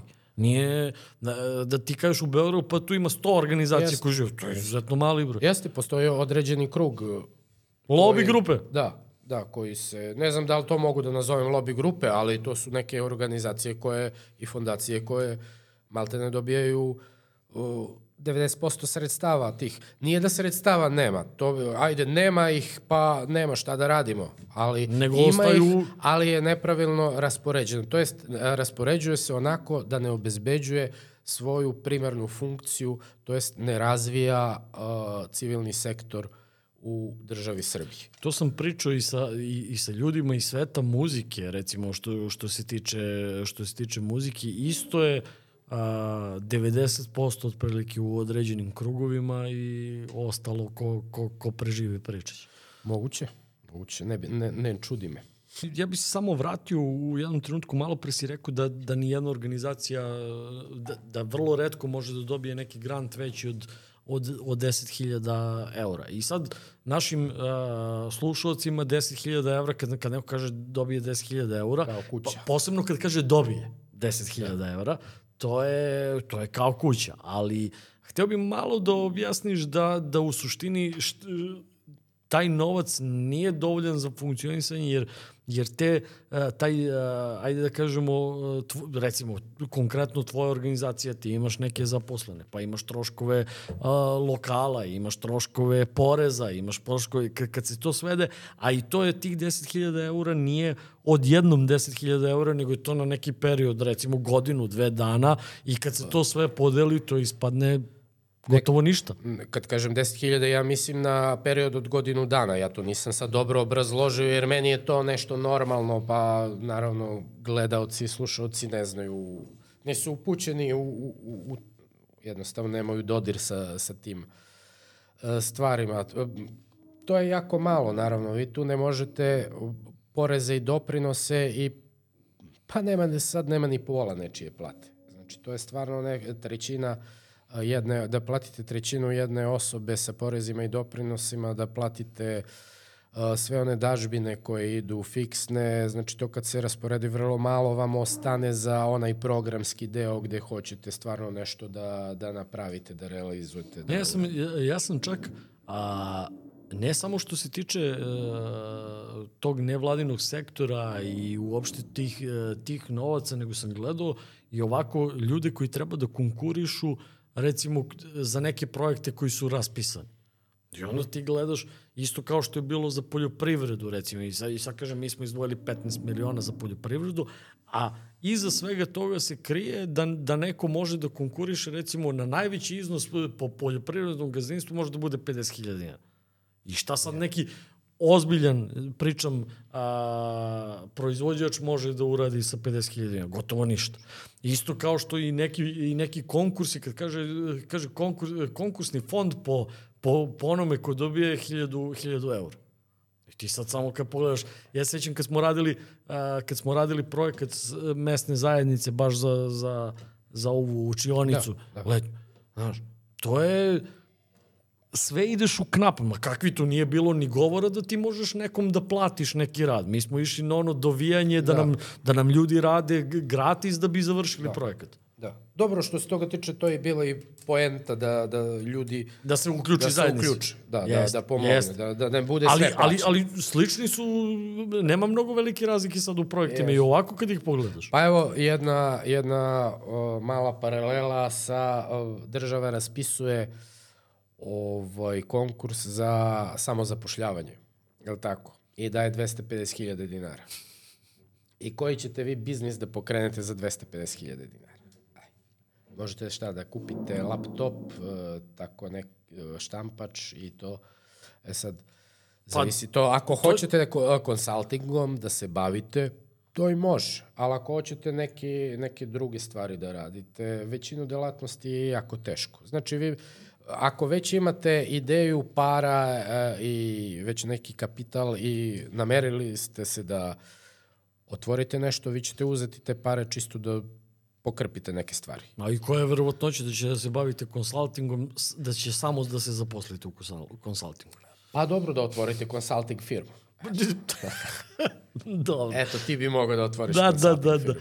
A, mnoge inicijative su a, bili ste deo inicijativa, bili ste deo i toga kada, kada, su, kada su bile i zaječarske česme u pitanju, mislim, podržali ste to.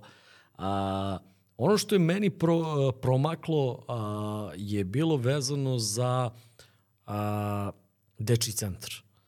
A, znam da si bio a, deo ljudi koji su ustali onog trenutka kada, kada je izašla priča da će, da će dečiji centar da se seli i da je dignut onako, ajde da kažemo, priličan hajp je bio dignut oko, oko dečijeg centra, ali ono što mene kao i, i kao i građanina ovog grada zanima, a ja mislim da, da zanima i ljude, a, kao da se odjednom učutala priča oko Zaječarskog centra, jer moja neka vizija je bila posle posebno tvog nastupa i, i nastupa nekih ljudi da, da je sledeći stadijum da ćemo mi svi da se vežemo za stubove onog omladinskog centra i da ga ne damo, a desilo se samo iseljenje, pa me, pa me interesuje malo da, da nam kažeš šta je se konkretno desilo u tom slučaju. Jer mislim da je javnost ostala uskraćena za to. Krećeno, jeste. Pa dobro, to se završilo, ka, u pravu si potpuno tiho, ovako. O, mislim, mi smo tu burno reagovali, nije nas bilo mnogo. Ja, Danko i, i još jedna organizacija. Ovaj, drugi nisu, nisu hteli, nisu smeli da, da reaguju. O, Dobro, ali su političke organizacije su Da, da, reagovali. tako. ne, mislim da udruženja Da, i okej, to. okej, okej. Da, da kažem kolege.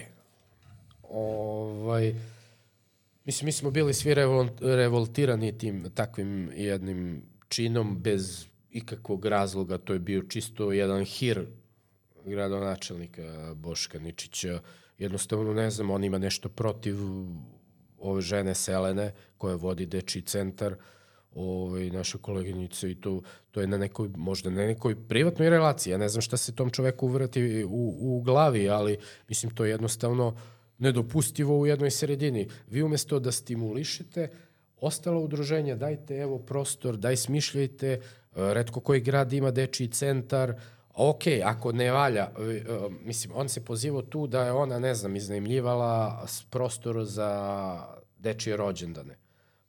Pa dobro, mislim, jel ona radi svoju funkciju? Ako je dala nekom za dečiji rođendan, ona time nije, nije ništa ugrozila.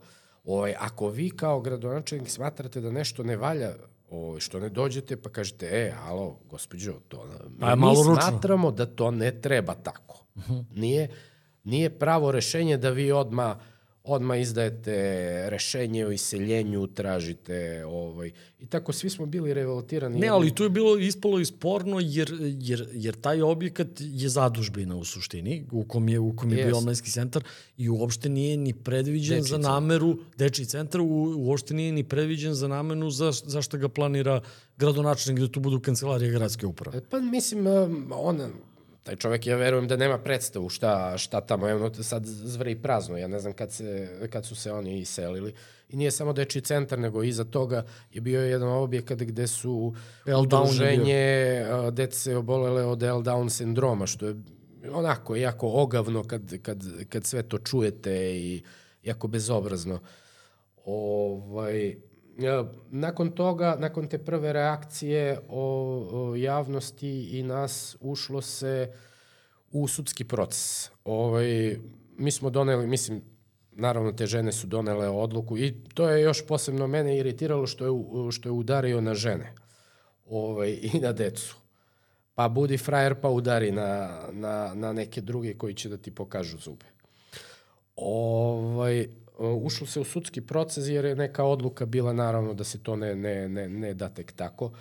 E, Nažalost, e, u tom ugovoru je bio sporan jedan član koji je mogao da se tumači, da kažem, i ovako i onako i sud pod možda i pod nekim pritiskom. Ja sad ne, ne, ne bih hteo to da komentarišem, ovaj, možda i ne, možda su potpuno u pravu, ovaj, doneo odluku prvo prvostepenu, pa smo se žalili uh, apelacionom sudu i apelacioni sud je potvrdio ovaj prvostep, odluku prvostepenog presudu prvostepenog suda i na kraju to je sve odlagano koliko je moglo. I evo na kraju pet godina je Deči centar ostao i udruženje L Down u, u tim svojim prostorijama. To je ono što smo nažalost mogli da, da učinimo. Mislim, kad se ušlo u taj uh, sudski spor, onda je uh, priča je splasnula u javnosti, mislim, ne možete vi pet godina da održavate tenziju i idemo, ajde, juriš i tako dalje. Mi smo, mislim, pomogli smo o, tim udruženjima da nađu besplatnu pravnu pomoć. Znači, imali su advokate odavde iz Zaječara koji su prihvatili da vode ce, ceo taj postupak bez, bez da naplate troškove Bez naknade. tako da, bez naknade. Tako je. A, na kraju, posle odluke suda, vi kad imate odluku apelacijonog suda, ne možete sad da terate e, narod da se vezuje za... Mislim da i te žene nisu, nisu kad je to došlo do kraja, nisu ni pozivale ni nas, ni građane da jednostavno su se pomirile sa tim i našle su novi prostor u kome sad trenutno rade. Nadam se da će naći i neki bolji. Mislim, a, mogu oni da vam uzmu fizički, mogu, može neko da ti uzme ovaj sto, ove mikrofone, te slušalice, ove kamere, sve to može da se kupi i da se nadoknadi. Ali znanje i ideju to ne mogu da vam uzmu nesposobni ljudi. Oni su sposobni tako nešto da urade i samim time vam, uh, mogu da vam zagorčaju život, da vam otežaju, otežaju jedan period uh, privatne, privatnog života, profesionalne karijere, šta god. Ali ne mogu ideju da, mislim, može, uh, može da se ugasi omladinski centar, da, da se sruši zgrada, šta god, ali uh, oni nikad neće raditi to onako kao što smo mi radili. Baš iz, iz, iz tog razloga što smo pričali na početku emisije. A, koji su planovi a, Dejana Perića, koji su planovi omladinskog centra za, za neki budući period, a, još malo pa će ponovo bašta, a, da li će isti slični programi biti organizovane svirke u bašti, Šta se očekuje u narednom periodu od omladinskog centra? Da li uh, isto ž- što se tiče što se tiče Kraljevice, tu smo malo ostali nedorečeni šta ćemo šta, su neki sledeći koraci vezani za, za Kraljevicu? Vezano za Kraljevicu, pa sledeći koraci su da uh, pokrenemo u javnosti malo, uh, zainteresujemo javnost, da im objasnimo da je ipak to nije ta parcela na kojoj će se raditi istražne radnje, nije na Belom bregu i prema Nikoličevu, nego da je na samom vrhu Kraljevice. Uh -huh. ovaj, da vidimo da li, da li smo mi kao građani, ono što si rekao, spremni da ukoliko dođe do toga, da, da li mi hoćemo uopšte da to, da li Hoćemo da, da se pobunimo, to. da li hoćemo da branimo, da li ćemo da dozvolimo, da li ćemo da se selimo, da vidimo kakvo je raspoloženje u javnosti. Mislim, mi smo protiv toga iz ekoloških i iz ekonomskih razloga, ekonomsko-strateških, tačnije rečeno. Ono što sam rekao, ne, hoćemo da malo i naša deca ostavimo nešto za buduće generacije, za našu decu, pogotovo kad možda za 20 godina te tehnologije uznapreduju, pa ćete moći ono što ti kažeš, ne postoji zeleno, zeleni rudnik, ali postoje, unepređuje se ipak to godinama. Ti to bolje znaš.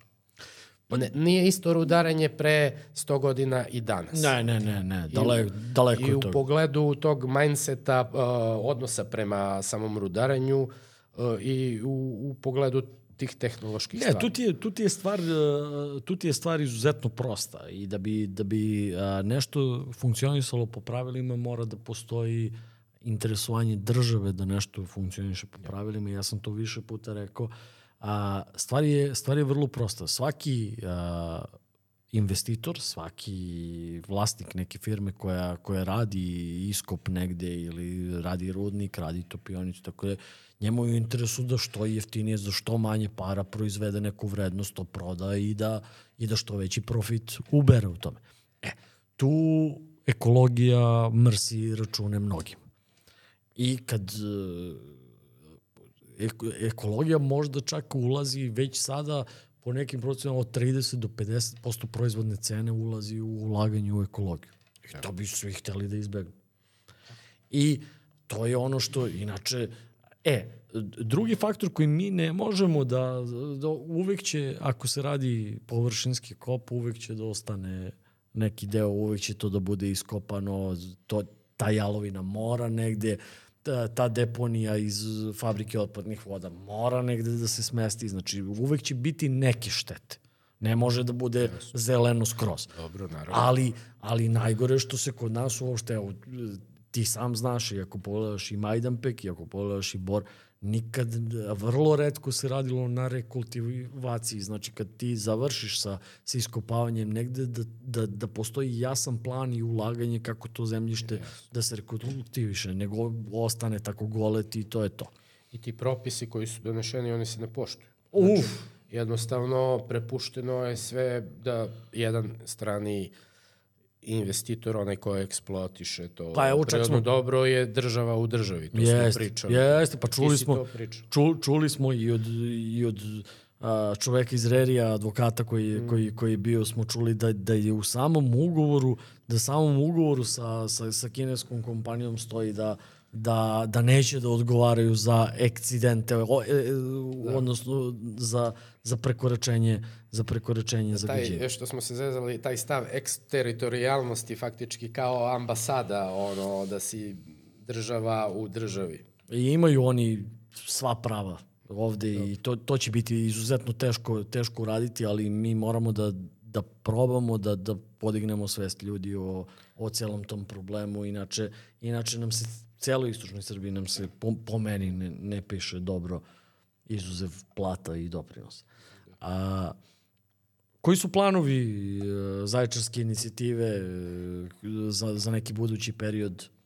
Pa, zaječarskom inicijativom se više bavi moj kolega Danko. Ja tu u zaječarskoj inicijativi trenutno, e, da kažem, koordiniram tim nekim aktivnostima u omladinskom centru. Ovoj, omladinski centar. Čak si ponekad i DJ. E, da, sve. I čistim sve. Ložim kota, sve. Ovaj, Uh, mislim, mi ulazimo iz zimske u letnju, iz letnje u zimsku i tako. otvaramo baštu, zatvaramo baštu, otvaramo zimski deo. Tako, mislim, pro, nastavit ćemo naravno sa programom, gledamo da, da dovedemo interesantne izvođače. Ovaj, pri tome gledamo da, da to bude nešto, da ne bude uh, koncert za 20 ljudi. Ovaj, nego da nešto što će stvarno da zainteresuje ljude, da pri tome nije totalni trash, kič i, i šund. Isto tako gledam, mislim, gledamo nekako da se približimo i toj mladoj publici, nekima postoje jaz, nikad nisu ni ušli tamo, ovaj, da, pa možda imaju neke predrasude šta se tamo, da tu neki metalci se svira, svira uh, ovaj, ali kad dođu, onda, onda se oduševe i enterijerom i, i programom, tako da gledamo i tako uh, programski da se približimo tim uh, mla, toj mlađoj populaciji kroz razne zanimljive žurkice, tematske večeri. Nastavljamo sa onim redovnim stvarima kao što je pub quiz, što ide odlično, ovi momci to odlično rade u partnerstvu sa nama. Naravno, tribine, javne rasprave, promocije knjiga. Omladinski centar je ajde, volim da kažem, možda će neko da, da, da kaže da nije tako o, jedini, nažalost, slobodan prostor u Timočkoj krajini. Ovaj, ne znam da postoji, sa, obično je to ili pri opštini ili su privatni kafići i klubovi. Kad, kad kažeš slobodan, misliš na to da svako bez obzira na opredeljenje i razmišljanje Tako, može da bez bude... obzira na svoje političko razmišljanje, mislim, ne dozvoljavamo naravno neko ko vređa nek, diskriminiše druge, ali recimo neko može da promoviše knjigu iako je u sukobu sa vlasti ili tako, imali smo te primere, mislim, uvek, kod nas je uvek otvoreno ili neki pisac koji uh, se zamerio vlasti pa neće ovi u državnim institucijama da mu naprave pesničko veče, promociju da, kod vas, knjige. Kod, kod vas je bio Marko Vidojković koji je sad relociran. Da, između ostao. Pa i Marčelo je bio, pa i naš Boža Andrić, novinar. Njuzovci su prvi njuzovci, podcast uživo održali kod vas. Pa da, mislim, eto što si rekao, Njuzovci prvi podcast. Svima njima je najlakše kad krenu, imaju, tu, mislim, projekat neki gde rade, e, evo recimo Njuzovci kreću u podcaste širom Srbije. Onda neka organizacija iz Beograda kreće da, realizuje projekat širom Srbije i najlakše im je da krenu iz Zaječara jer znaju da tamo imaju imaju prostor koji im je siguran, imaju opremu svu tehničku, imaju ljude koji će uvek da im izađu u susret, o, lako se dogovorimo oko svega i onda dođu kod nas i odatle krenu. A po ostalim gradovima uglavnom nema takvih mesta, onda ako vam ne daju u državnoj instituciji, u nekom domu omladine, domu kulture, onda morate da se dovijate uh, po privatnim kafićima. Jeste. I onda to morate da znate vlasnika, da budete dobro s njim, da vam on učini, u, u, da, da ima dobru volju, da sme kao prvo, da mu sutra da ne dođe odmah. Budete sigurni da neće da otkaže pa, na dan. Pa to, to, da, i, i da neće ono sutra da mu odmah bane inspekcija, da mu trkeljiše tamo dokumentaciju i, i tako dalje. Tako da mislim da Ne, meni, meni je bilo fascinantno, recimo, kad, kad sam sa, sa Stevom pričao, kad je, kad je Steva bio gost, meni, meni je bilo fascinantno da su neke pozorišne predstave faktički zabranjene i da nema prostora kao, kao što je omladinski centar ne bi bile ni igrane. Pa jeste, mislim, eto, mislim, mnogo ima nelogičnosti kod naših institucija. Sad to bi bila posebna tema naše institucije. Da, Miša, Miša Majić je recimo izjavio da, a, da, da ne znam koliko znaš podatak, on je, on je najčitaniji uh, pisac, pisac u Timočkoj krajini za 2022. godinu. A u, kada se uzme statistika biblioteka širom Srbije, on je najčitaniji da. čitaniji pisac, ali kaže, mene nikad nijedna biblioteka nije pozvala da gostim kod nje. Da, pitamo se što. Tako da, da, da stvarno, da, pazi, uh, je, uh, omladinski centar je stvarno jedno mesto koje bez koga bi ovaj grad, možda što ti kažeš bi postojalo nešto drugo da nije omladinskog centra, ali, ali bi definitivno bio, kulturno bi bio dosta siromašniji, jer ti neke, e, pa i, i ajde da kažemo, imate i večeri nekih autorskih filmova i mi bioskop nemamo u, u gradu. A, tako da... Da, imamo filmske festivale, projekcije tih filmova, Slobodna zona, A, da ne pričamo o tome da, da jedino mesto na, ko, na kome, su se, kome su se održavale neke političke tribine u oči izbora je bio je Da, bio omladinski centar. Jedini je bio otvoren za, za, za tako nešto, dok su, dok su uglavnom mediji bili zatvoreni.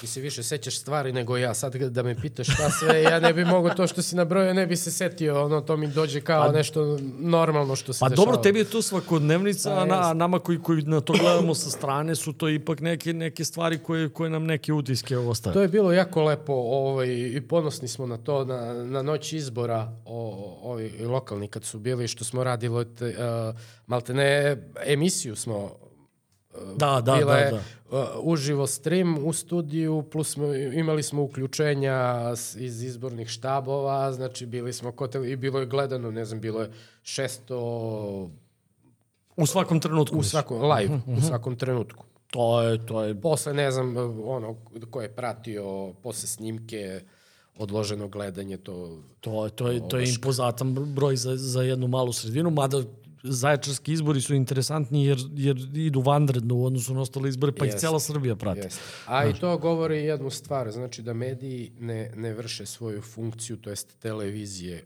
lokalne Koja televizija? Koji, koji bi trebalo to da, da rade upravo taj posao što smo mi radili, one bi trebali da... Ma ne, ma ne, nema ništa u to. Pa dobro, mislim, i, i ti ja ne gajimo iluziju da će se to desiti, ali eto, čisto da se pomene. Deki, a, hvala ti još jednom što si, a, što si došao i što Hvala si, bio, što si bio naš gost. A, mislim da ćemo imati i tekako o čemu da pričamo i u nekim, i u nekim budućim vremenima. A, imate poziv ti Vorda da, da uradimo jedno video mrsomuđenje, da ne bude samo audio, nego da bude i video mrsomuđenje u ovom studiju. Ajde, može. Tako da sad kad krenete, kad se malo zahuktate i kad se malo podmažete, pošto odavno niste radili mrsomuđi, Samo da znaš šta se, jede se džigerica, crevca i pije se pivo, tako da moramo da napravimo to ne, nema, ovde, samo, da. sa, samo, ne, samo ne, nećemo besplatno da reklamiramo pivo. Nećemo, pa dobro, za, zalepimo etiketu. Mi. Možemo eventualno dogmu da, da, da reklamiramo. Može. Ali a, hvala još jednom i vidimo se prvom sledećom prilikom kada budemo imali o čemu da pričamo, a mislim da ćemo ti ja i tekako imati o čemu pričamo. Pa dobro, hvala, hvala tebi na, na pozivu. Ovaj, imaš lep ovaj podcast koji je, koji je slušan, gledan, ima interesantne teme. Ja ti tu sad malo sam pokvario koncepciju što se tiče interesantnih gostiju, ali želim ti da, da traje još 20 godina i da ima puno naših sugrađanina koji imaju šta da kažu uh, iz svojih karijera i svojih života. Pravit ću se da nisam čuo konstataciju vezano za interesantne goste, a vi slušalci i gledalci slušamo se sledećeg ponedeljka. Hvala.